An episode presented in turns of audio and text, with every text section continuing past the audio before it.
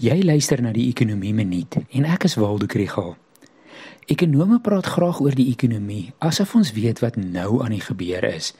Maar baie keer is die aanwysers met 'n sloering beskikbaar en die kommentaar is baie soos om 'n motor te bestuur terwyl jy in die triespieeltjie kyk. Hierdie week se aanwysers was mynbouproduksie in November, kleinhandel verkope syfers vir November, Desember se inflasiekoers en die derde kwartaal van verlede jaar se huishouding veerkragtigheidsindeks. Mynbouproduksie het in November maand vir die 10de agtereenvolgende maand afgeneem. Produksie het met 9% afgeneem nadat dit in Oktober met 10% geval het.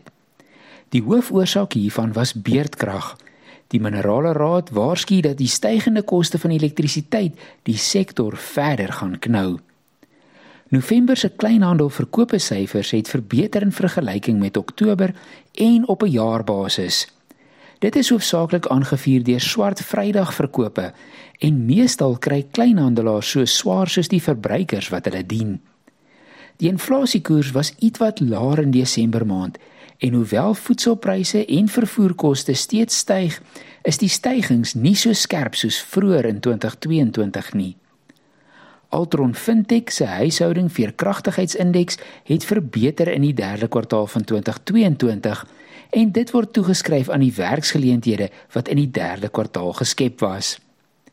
Alles saam dink ek dit sê vir ons dat ons al hoe meer die impak van hoë pryse, rentekoerse en beerdkrag op verbruikers en besighede begin sien.